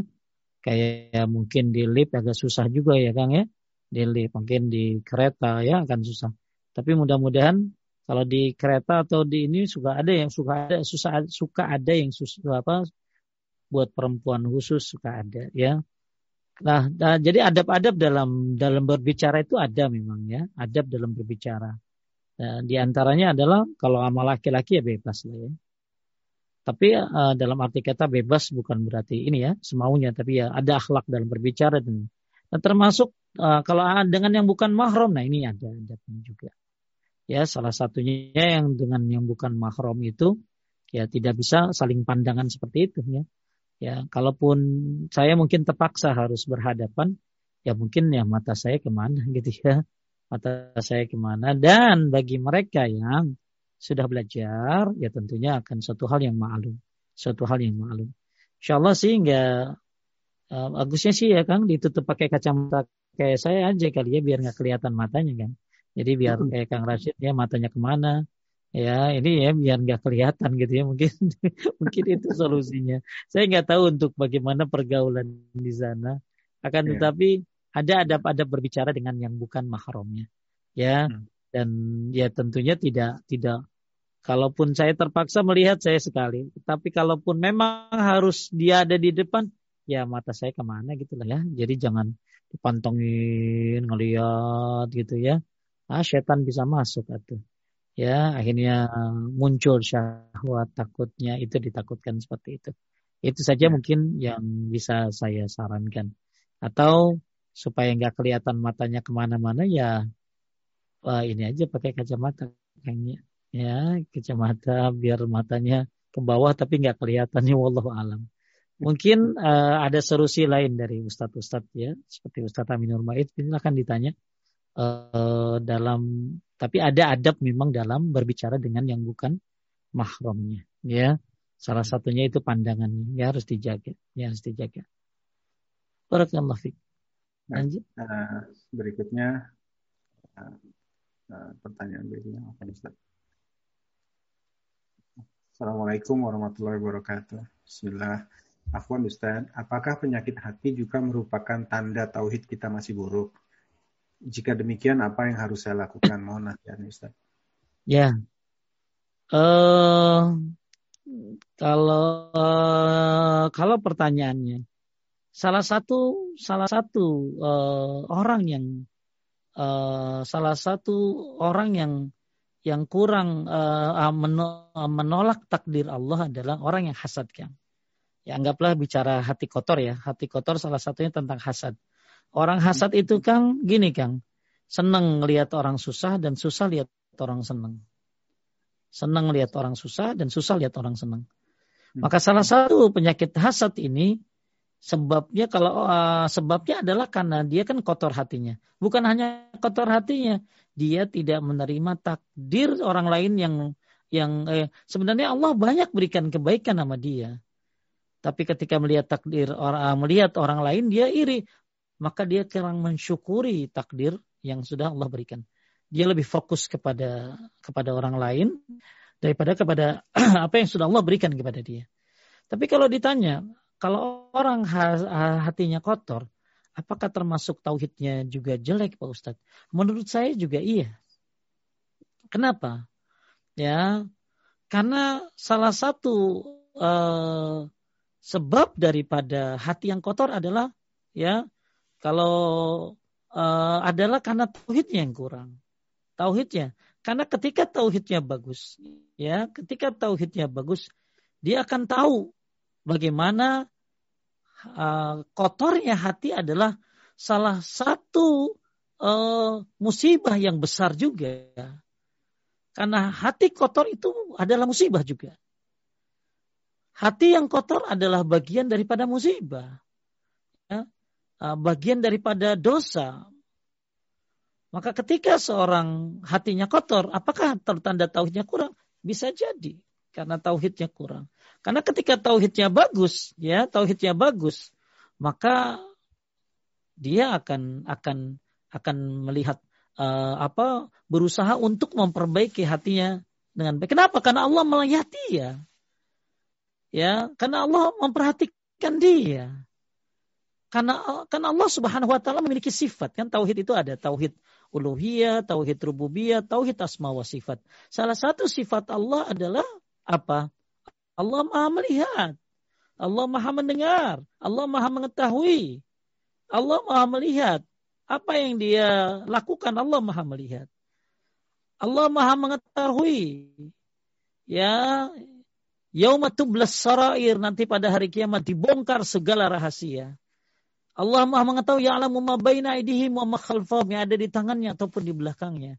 Wa ma tukhfis sudur Allah mengetahui apa yang disembunyikan oleh hati. Maka ketika berarti dia kurang memahami tauhid. Maka tauhid itu ada tiga. Tauhid rububiyah, tauhid uluhiyah, tauhid asma wa sifat.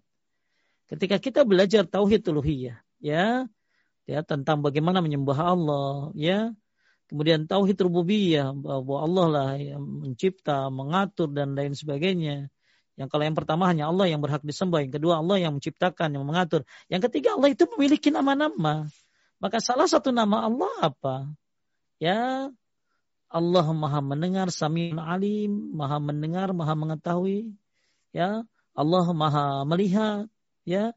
Allah Subhanahu wa taala Maha Maha uh, mengetahui maka ketika seseorang uh, hasad atau dengki atau sombong, maka dia harus sadar bahwa Allah Subhanahu wa taala mengetahuinya. Ya, dan nanti akan diungkapkan segala rahasia. Yaumatublis sarair. Akan diungkapkan segala rahasia. Bahkan Allah pun mengetahui khainatul a'yun. Orang-orang yang mata-mata matanya berkhianat. Mata berkhianat ya, mata berkhianat. Dan uh, inilah makanya ketika dia belajar tauhid tentang asma wa sifat, tentang sifat-sifat Allah, ya, maka dia akan sadar bahwa ya Allah, ya, engkau memantauku, engkau memandangku, engkau mendengar bisikan hatiku, ya, engkau melihat apa yang ada di hatiku, ya. Maka ketika dia belajar tauhid, ya, khususnya tauhid yang tadi asma wa sifat, maka ini insya Allah akan menghilangkan penyakit-penyakit uh, kotor hati ini. Kenapa? Karena Allah Subhanahu wa taala Maha mengetahuinya, Maha melihat, Maha mendengar apa yang ada di hatinya. Maka mudah-mudahan dengan belajar tauhid dia bisa astagfirullah Allah Maha mengetahui. Ya, ini uh, pembahasan tentang tauhid asma, asma wa sifat. Insyaallah Insyaallah kapan-kapan kita juga bahas tentang tauhid asma, asma wa sifat. Ya, untuk sementara Ibu beli buku Asmaul Husna ya, Asmaul Husna uh, karya Syekh Wahab Al-Qahtani. Ya bagus tentang nama-nama Allah di situ. Ya sifat-sifat Allah apa aja maka ibu akan lihat bagaimana masya Allah tidak ada yang tersembunyi dari Allah. Ya sampai yang ada di lautan gelap pun Allah mengetahui. Padahal terhalang oleh air terhalang oleh bebatuan terhalang oleh dalamnya laut tapi Allah maha mengetahui daun-daun yang jatuh berapa banyak entah ke mana perginya Allah pun maha mengetahui. Gimana cuma hati kita yang hanya terhalang dengan baju berapa lapis, terhalang dengan tulang, bahkan yang terhalang dengan batu dan kedalaman laut saja Allah tahu. Ini pentingnya mengetahui tauhid asma wa sifat. Semoga dimudahkan insya Allah. Baik. Uh, pertanyaan berikutnya, saya share lagi screen. Nah, Pak Ustadz, sehubungan dengan doa anak untuk orang tua tadi, bagaimana dengan anak angkat? Apakah doanya sederajat dengan doa anak kandung? Ya, sebenarnya doa itu ada dua, doa khusus, uh, doa khusus, doa umum. Kalau doa khusus itu dari dari anaknya ya, khususnya ya anak yang soleh kan iza mata ibnu adam in qata amal illa min salasin sadaqatin jariyah wa alam ilmin yantafu bih waladun salih da'una uh, tiga amal yang akan uh, mayit terputus semua amalnya kecuali tiga tadi. Salah satunya anak yang soleh, doa dari anak yang soleh. Nah, ini adalah doa yang khusus ya. Doa dari anak yang soleh akan menyebabkan uh, apa uh, banyak Allah Subhanahu Wa Taala bisa uh, apa mengampuni dosa-dosanya, mengangkat derajatnya. Tapi ada juga doa umum ya, doa umum. Doa umum itu siapa? Dari siapa? Ya, dari saya, dari kaum muslimin, dari para syed, dari Bu Febi, dari uh, Roland, dari Bu Popi, banyaklah ya doa-doa umum itu dari siapa saja, dari kaum muslimin dan muslimat. Nah, gimana dengan doa anak angkat ya? Doa anak angkat ya, setahu saya itu doa yang bersifat umum ya, sifat umum karena dia bukan dari dari rahimnya. Maka sebenarnya yang nggak pen, nggak penting gini, yang penting gini, anaknya doain apa enggak? Kalau dia punya anak tapi nggak punya nggak pernah ngedoain, ya sama aja bohong atau. Tapi dia punya anak angkat ya, maksudnya mungkin anak didik ya, anak didik bisa jadi murid-murid atau apa ya murid-murid sekolah atau apa. Maka kalau anak didiknya rajin mendoakan, maka ya lebih baik daripada anaknya yang jarang mendoakan tentunya. Uh, Ya Syekh Mukbil itu anaknya perempuan semuanya. Empat kalau nggak salahnya perempuan semuanya. Tapi dia punya murid-murid ribuan laki-laki. Jadi kata beliau, ya anakku perempuan, tapi anak laki-lakiku lebih banyak. Maksudnya murid-muridnya, murid-muridnya. Ya murid-muridnya. Jadi kembali lagi bahwa posisi anak ang anak angkat ataupun anak anak kandung memang anak kandung punya keutamaan ya kan disebutkan kan anak soleh yang mendoakan orang tuanya. Akan tapi ketika dia tidak punya anak, tapi hanya punya anak-anak didik ya, maka doa anak didik ini pun bisa menjadi suatu hal yang mustajab ya. Karena mendoakan orang lain itu kan mustajab Kang. Ya, mendoakan orang lain tanpa pengetahuan itu kan mustajab. Ya, malaikat akan ada di atas kepalanya sambil berkata, "La kabi misli, kamu juga mendapatkan apa yang kamu doa dari orang dari da, apa yang kamu doakan buat orang lain. Jadi intinya mau anak sendiri ataupun mau anak didiknya atau anak angkatnya, yang penting adalah rajin mendoakannya itu saja. Cuma kalau dia punya anak tapi jarang mendoakannya, tapi dia bukan bukan anaknya tapi rajin mendoakannya karena mungkin ada hutang jasa ya atau karena banyak sekali hal-hal yang dibantu, maka ini dia rajin mendoakannya maka itu lebih baik daripada anaknya yang jarang mendoakannya. Hmm. Ya, itu aja yang terpenting menurut saya doanya. Ya, nggak usah pikirin. Sekarang gini, anaknya mendoa, tapi doanya ya doa begitu aja. Oke, tadi kan perbandingannya anaknya nggak doa, tapi anak angkatnya berdoa. Maka tentu lebih baik anak angkatnya yang mendoakannya. Nah sekarang masalahnya lagi adalah anaknya juga doa, tapi doanya biasa-biasa saja. Tapi anak angkatnya ternyata di pesantren anak angkatnya ternyata masya Allah belajar tauhid, belajar sunnah, belajar doa-doa yang bagus dari Al-Quran dan sunnah, maka ini lebih bagus lagi tentunya. Ya, dengan doa dari Al-Quran dan sunnah. Apalagi ya uh, ketika Anda uh, mendoakan ini nggak bilang-bilang, maka jauh lebih baik lagi. Karena berdoa nggak bilang-bilang itu jauh lebih baik daripada bilang-bilang. Ya, malah doa yang mustajab adalah doa tanpa pengetahuan orang yang didoakannya. Lanjut. Ya. Ustaz.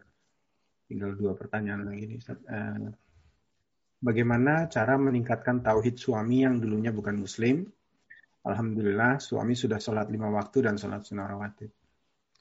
Ya, ya, yang ya baik. Uh, coba di uh, kalau suami suka baca bagus banget. Ada satu buku. Dia tinggal di mana, Kang? Uh, Ibu ini tinggal di uh, mungkin kalau di dia di sini kurang di Eropa mungkin. Kalau misalnya ibu, ibu punya, ini ada buku bagus tentang memahami makna syahadat, memahami kalimat syahadat. Ajarkan uh, suaminya suruh baca ya. Saya ada orang Korea, Kang. Ada orang hmm. Korea lagi belajar Islam. Besok saya ketemu udah pertemuan yang ketiga kalau nggak salah. Nah, salah satu tugas dia yang saya kasih nih tentang buku ini saya suruh baca dia. Ya, saya suruh baca dia. Sambil saya ngajarin sholat, ya, sambil saya ngajarin sholat. Sambil juga saya ajarin tauhid. Maka kalau suaminya suka baca bagus banget ya. Suka baca bagus banget. Atau uh, kalau dia memang tinggal di Indonesia, ya banyak ya kajian-kajian YouTube ya tentang tauhid. Dengarkan bareng-bareng suami istri. Atau ajak ya uh, karena sekarang kan belum offline ya, masih online oh. terus. Ya atau itu tinggalnya di Jerman Ustaz. Oh di Jerman, ya bingung ya. Uh, bukunya ada nggak ya di Jermannya? Uh, mungkin kalau misalnya kalau misalnya nanti nanti dia punya saudara mungkin ibu ini dia punya saudara di Indonesia bisa cari di marketplace lalu dikirim ke sana. Ya atau ibu bantuin terjemah nanti. Mungkin dia nggak bisa bahasa Indonesia kan ya? Nggak bisa bahasa Indonesia. Kalau bisa ya bagus banget. Ya beli ya, ibu terjemahkan ya sedikit sedikit sama suaminya. Tapi kalau bisa ya ibunya baca dulu, istrinya baca dulu. Ya istrinya baca dulu uh, sehingga bisa paham. Ya bisa paham. Atau uh, beli kitab yang mudah ya. Tapi ini ini paling bagus menurut saya ya tentang khusus tentang syahadat. Karena kan alhamdulillah ini uh, suaminya ini kan udah sholat, udah qobliyah, ba'diyah lagi masya Allah luar biasa. Maka uh, yang kurang mungkin belajar tauhidnya. Maka penting ya kalau dia sholat aja udah mau, ya insya Allah tauhid ada lebih penting lagi daripada sholat tentunya. Maka hmm. ini harus uh, segera dipelajari darurat ya. Yang sampai dia hanya sholat tapi uh, tauhidnya masih ya ditakutkan tauhidnya uh, ada kesyirikannya. Ya atau dengan cara lihat di internet-internet banyak ya di rumaiso.com ya ada banyak kali kajian-kajian tauhid. Ya cuman mungkin karena bahasa Indonesia semuanya. Tapi ya berarti harus ada bantuan dari dari istrinya yang mungkin bisa bahasa Indonesia. Ya dijelasin. Kalau misalnya ada yang di bahasa Jerman tuh Jerman kan ya? Jerman siapa ya? Uh, coba nanti saya coba cari info ya Kang. Ya, mudah-mudahan ya. saya cepat cari info lulusan Madinah yang dari Jerman kan. Lulusan Madinah yang dari Jerman.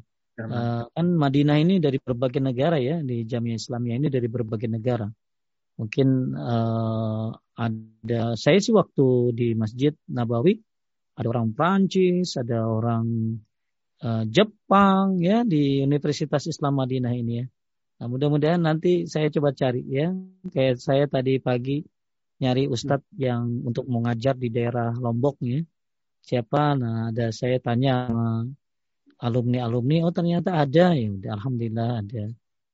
Nah, nanti coba kita cari ada nggak uh, ustadz-ustadz atau syekh-syekh di Jerman yang yang mungkin dengan bahasanya ya bahasa Jerman lebih mudah insya Allah.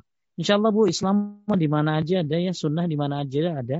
Insya Allah uh, pelajar-pelajar sunnah ada di mana aja. Mungkin ibu belum ketemu, tapi bisa coba cari ya. Uh, kalau misalnya bisa coba cari uh, di di YouTube ya dengan bahasa Jerman ketik aja ya pembahasan tauhid ya Syekh Fauzan misalnya begitu loh. Pembahasan tauhid Syekh Fauzan. Nah, biasanya sekarang ceramah Syekh Fauzan ini suka diterjemahkan kan ke berbagai bahasa. Ya, uh, seperti tulisannya Syekh Soleh Al-Munajjid aja ya. Uh, Islam Question and Answer itu diterjemahkan ke berbagai bahasa itu. Ya, uh, Islam Question and Answer ya. Islam soal dan jawab. Nah, itu ada di dari berbagai bahasa itu. Jadi udah, udah go internasional sunnah ini ya Bu. Tauhid ini udah go internasional. Cuman Ibu belum ketemu ya belum ketemu. Tapi kalau misalnya ada ya boleh juga saya dikasih. Nanti saya bantu koreksi ya. Ya mungkin kalau ada yang bahasa Inggris nggak apa-apa. Tapi kalau yang bahasa Jerman saya nggak ngerti ya. Insya Allah nanti coba kita sama-sama bantu. Mungkin ada bapak-bapak, ibu-ibu yang apa uh, punya punya lulusan ya. Nah ini hmm. ya kalau ini ada nih coba uh, dari Bu Ica tuh ya ada uh, lulusan Universitas Islam Madinah di seluruh dunia tuh Kang ada tuh. Ada. Ya, saya kasih ke Ibu Febi ya. Saya kasih ke Ibu Febi. Ini ada yang ngasih ada lulusannya. Ada. ada. Ada. Ini ada yang ngasih info. Uh, uh. Ustadz dari Jerman ada namanya Ustadz Pierre Vogel, Marcel Kras. Eh, itu juga mereka dari Salafi Mu'alaf Jerman yang lulus dari Madinah. Ini barusan dari jamaah yang ada. Uh kan, masya Allah, masya Allah luar biasa ya, gayung bersambut. Kalau ya, ada ini, kemauan pasti ada jalan. Ya ini saya share nama-namanya Ustaz. Ini barusan uh, ini nggak ada namanya yang share ke saya. Ada tapi iPhone namanya iPhone. Jadi saya kurang tahu namanya. Jazakumullah khair.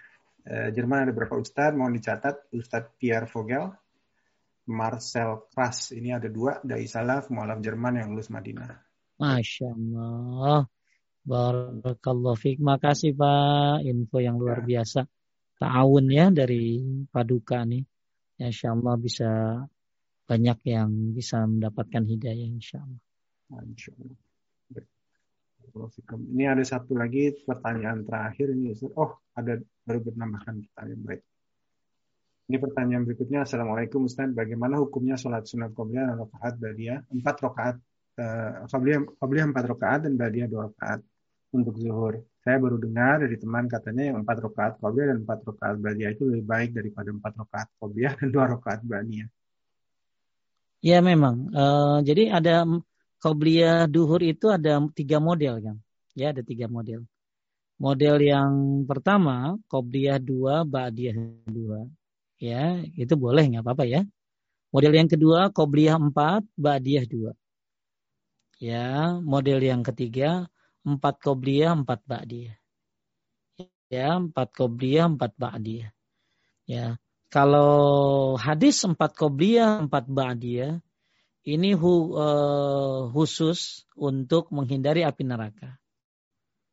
Tapi kalau empat kobliyah dua ba'diyah kemudian dilanjut dengan dua ba'diyah maghrib, dua ba'diyah isya, kemudian dua qobliyah subuh ini dapat rumah di surga. Ya, maka siapa yang bisa lebih nggak apa-apa ya, nggak apa-apa. Lebih dari 12 nggak apa-apa kan. Dan ada dua-dua semuanya. Salat qobliyah ba'diyah itu ada 22 rakaat semuanya ya. Uh, uh, jadi kalau empat qobliyah duhur, empat ba'diyah duhur itu boleh diharamkan dari api neraka sebagaimana saya uh, sebutkan tadi ya. Kemudian empat qobliyah, dua ba'diyah juga boleh ya. Tapi empat qobliyah, dua badiah ini nyambung sama yang dua belas ya Kang ya. Nyambung sama yang dua belas. Hmm. Tapi kalau yang empat qobliyah, empat badiah ini khusus dia. Tidak nyambung dia. Jadi dia tidak tidak tidak usah dua belas ya. Empat qobliyah, empat badiah diharamkan dari api neraka. Ya. Makanya kalau dia bisa lanjut dengan jadi 22 atau jadi lebih uh, dari 12 nggak masalah ya, nggak masalah. Jadi ada tiga model Qobliyah Ba'diyah. Dua-dua, empat-dua, empat-empat. Dan mana yang bagus Pak Ustadz? Bertakwa semampunya. Siapa yang Anda mampu yang mana? Silakan. Ya kalau sempat ya empat Qobliyah, empat Ba'diyah. Ya kalau ternyata nggak sempat empat Qobliyah, dua Ba'diyah. Nggak sempat lagi dua Qobliyah, dua Ba'diyah. Nggak sempat lagi ya udah zuhur aja. Ya yang benar zuhurnya. Lanjut.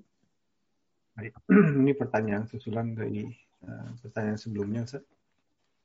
Bagaimana caranya meningkatkan tauhid seseorang jika mendapatkan ujian dan cobaan dari Allah SWT? Ya, justru ketika Anda bertauhid, ujian ini akan diangkat, Kang. Ya, kan Allah berfirman, "Wa may yattaqillaha yaj'al lahu makhraja wa yarzuqhu min haitsu la yahtasib." Siapa yang bertakwa kepada Allah akan diberikan jalan keluar dan diberikan rezeki yang tidak disangka-sangka. Di sini kalimatnya kan takwa ya. Takwa di sini nggak mungkin orang takwa itu ya orang bertauhid. Tidak dikatakan bertakwa kecuali dia bertauhid. Karena takwa itu kan jalanin perintahnya. Apa perintah Allah? Ya bertauhid. Jauhi larangannya. Apa larangan Allah syirik? Maka orang tidak dikatakan tertakwa kecuali dia bertauhid. Maka ketika Anda Anda kena musibah, Justru di situ saatnya Anda untuk bertauhid kepada Allah. Ya, kenapa? Karena dengan tauhid Allah akan dikasih jalan keluar. Bahkan Allah kasih dia rizki yang tidak disangka-sangka. Lihat Nabi Yunus alaihissalam. Ketika dia berada dalam perut ikan paus. Apa yang dia katakan? La ilaha illa anta. Tauhid kan. ada yang berhak disembah kecuali engkau. Inni kuntu minaz zalimin. Sungguhnya aku termasuk orang-orang yang zalim. Tauhid yang diucapkan oleh Nabi Yunus alaihissalam. Malah buat yang bertanya tadi, salah satu doa agar terhindar dari kalau salah satu doa eh, ketika lagi susah. Ya, ini gampang doanya kan. Allah, Allah, Rabbi, la usyriku bihi syai'ah. Kalau akan lihat di buku-buku doa, seperti buku doanya Ustadz Yazid, doa dan wirid, itu dimasukkan kategori doa ketika dalam keadaan susah. Kan? Jadi orang kalau lagi kena musibah, doanya cuma begini doang. Allah, Allah, Rabbi la usyriku bihi syai'a. Ya Allah, ya Allah, Rabbku, aku tidak menyekutukanmu. Itu doa. Doa, nggak ada hubungannya Anda. Ya, jadi nggak ada, Jangan mikir ya Allah kau Pak Ustadz nggak ada doa minta dihindari dari apa minta cepat selesai. Itu doa minta cepat selesai musibah. Apa doanya? Hmm. Allah, Allah, Rabbi la usyriku bihi syai'a. Ya Allah, ya Allah, ya Rabbku, aku tidak menyekutukanmu. Itu dimasukkan oleh para ulama sebagai doa ketika Anda dalam keadaan bermasalah. Jadi bagi yang punya masalah banyakin doa itu dalam sujud sebelum salam antara azan dan komat. Allah Allah Rabbi la usyriku bi Tambah lagi la ilaha illa anta subhanaka inni kuntu minaz zalimin. Itu tauhidnya. Jadi tauhid ini adalah pemecah masalah. Tauhid ini membuat Allah berikan Anda petunjuk, Allah berikan Anda hidayah sebagaimana firman Allah, "Alladzina amanu wa lam yalbisu imanahum bizulmin ulaika lahumul amnu wa hum muhtadun." Orang yang beriman dan tidak mencampur adukan imannya dengan kesyirikan, Allah akan berikan dia petunjuk. Allah berikan dia keamanan, Allah berikan dia petunjuk. Jadi Anda minta petunjuk kepada Allah dengan tauhid dan jangan campurkan tauhid Anda dengan kesyirikan. Jadi justru di saat orang kena musibah, di situ saatnya dia bertauhid kepada Allah Subhanahu wa taala. Di saat orang kafir Kang, orang kafir dulu lagi naik kapal laut Kang, begitu kapalnya goyang pengen tenggelam dia dia dia bertauhid kepada Allah Kang. Dia berdoa. Hmm. Tapi begitu udah nyampe darat dia syirik lagi gitu loh. Bayangin orang yang kafir saja ketika susah minta kepada Allah, bertauhid kepada Allah. Anda yang orang mukmin lebih layak untuk minta kepada Allah dan bertauhid kepada Allah ketika dalam kesusahan ini. Hmm. Jadi tauhid adalah penyebab mudahnya uh, diberikan jalan keluar, diberikan rizki yang tidak disangka-sangka, bahkan solusi dari segala musibah. Ya, buat yang kena musibah, katakan Allah Allah Rabbila usyriku bihi syai'a. Sambil Anda bertauhid, sambil Anda belajar tauhid, sambil Anda konsekuensikan tauhid Anda. Insya Allah akan ada jalan keluar akan ada tauhid itu solusi dari segala masalah. Ya masya Allah. Lanjut. Habis? Uh, habis pertanyaannya Ustaz. Uh, ya sudah habis. Alhamdulillah pertanyaan dari teman-teman. Tidak ada lagi Ustaz. Uh, mungkin ada yang mau bertanya langsung silakan angkat tangan. Kelihatannya sudah habis Ustaz. Alhamdulillah. Tuntas. Alhamdulillah. Ya. Habis Ustaz, nah, tidak ada pertanyaan lagi Ustaz. Mari kita tutup aja mungkin. Baik Bapak Ibu sekalian dimuliakan Allah Subhanahu wa taala. Eh, kita sedang membahas tentang salah satu keutamaan kalimat la ilaha illallah. Ya, siapa yang mengucapkannya dengan mengharapkan wajah Allah itu dengan melakukan konsekuensi menjalankan tauhid dan menjauhi kesyirikan maka Allah haramkan dia dari api neraka. Allah haramkan dari api neraka ini ada dua. Ya, benar-benar dibebaskan secara mutlak atau masuk surga tanpa hisab tanpa azab. Atau dia masuk neraka tapi tidak abadi. Makanya kita sempurnakan tauhid kita ya dengan terus belajar tauhid, memperdalam tauhid, ya menegakkan tauhid, menyebarkan tauhid, mengamalkan tauhid dan insya Allah Allah Subhanahu wa taala bukan hanya memberikan kita keamanan dan petunjuk di dunia, tapi juga memberikan keamanan dan petunjuk di akhirat. Salah satu keamanannya adalah dimudahkan melewati syirot, kemudian dihindari dari api neraka insya Allah. Terima kasih kajian Paduka yang sudah memfasilitasi kajian Tauhid ini. Semoga dibarokah buat para pengurusnya dan jadi hidayah buat orang-orang yang belajarnya. Semoga banyak hidayah yang bisa tercerahkan, tercurahkan kepada orang-orang yang mengaji di Paduka ini. Barakallahu fikum. Makasih buat semua pengurus. Subhanaka Allahumma wa bihamdika asyhadu an la ilaha illa anta astaghfiruka wa atubu ilaik. Assalamualaikum warahmatullahi wabarakatuh. Waalaikumsalam warahmatullahi wabarakatuh. Alhamdulillahirrahmanirrahim. Jazakallah khair Ustaz. Eh, atas waktu dan ilmunya. Eh, insya Allah kita akan bertemu kembali bukan minggu depan tapi minggu berikutnya. Jadi dua minggu sekali insya Allah untuk membahas eh, kelanjutan dari pokok bahasan Tauhid ini. Semoga kajian hari ini bermanfaat. Insya Allah bisa disimak kembali di YouTube Paduka underscore UK. Eh, sebelum saya pergi, saya mohon maaf jika ada kekurangan dan kesalahan, baik salah ucap maupun salah sikap. Barakallahu fikum. Wabillahi taufiq wa hidayah. Assalamualaikum warahmatullahi wabarakatuh.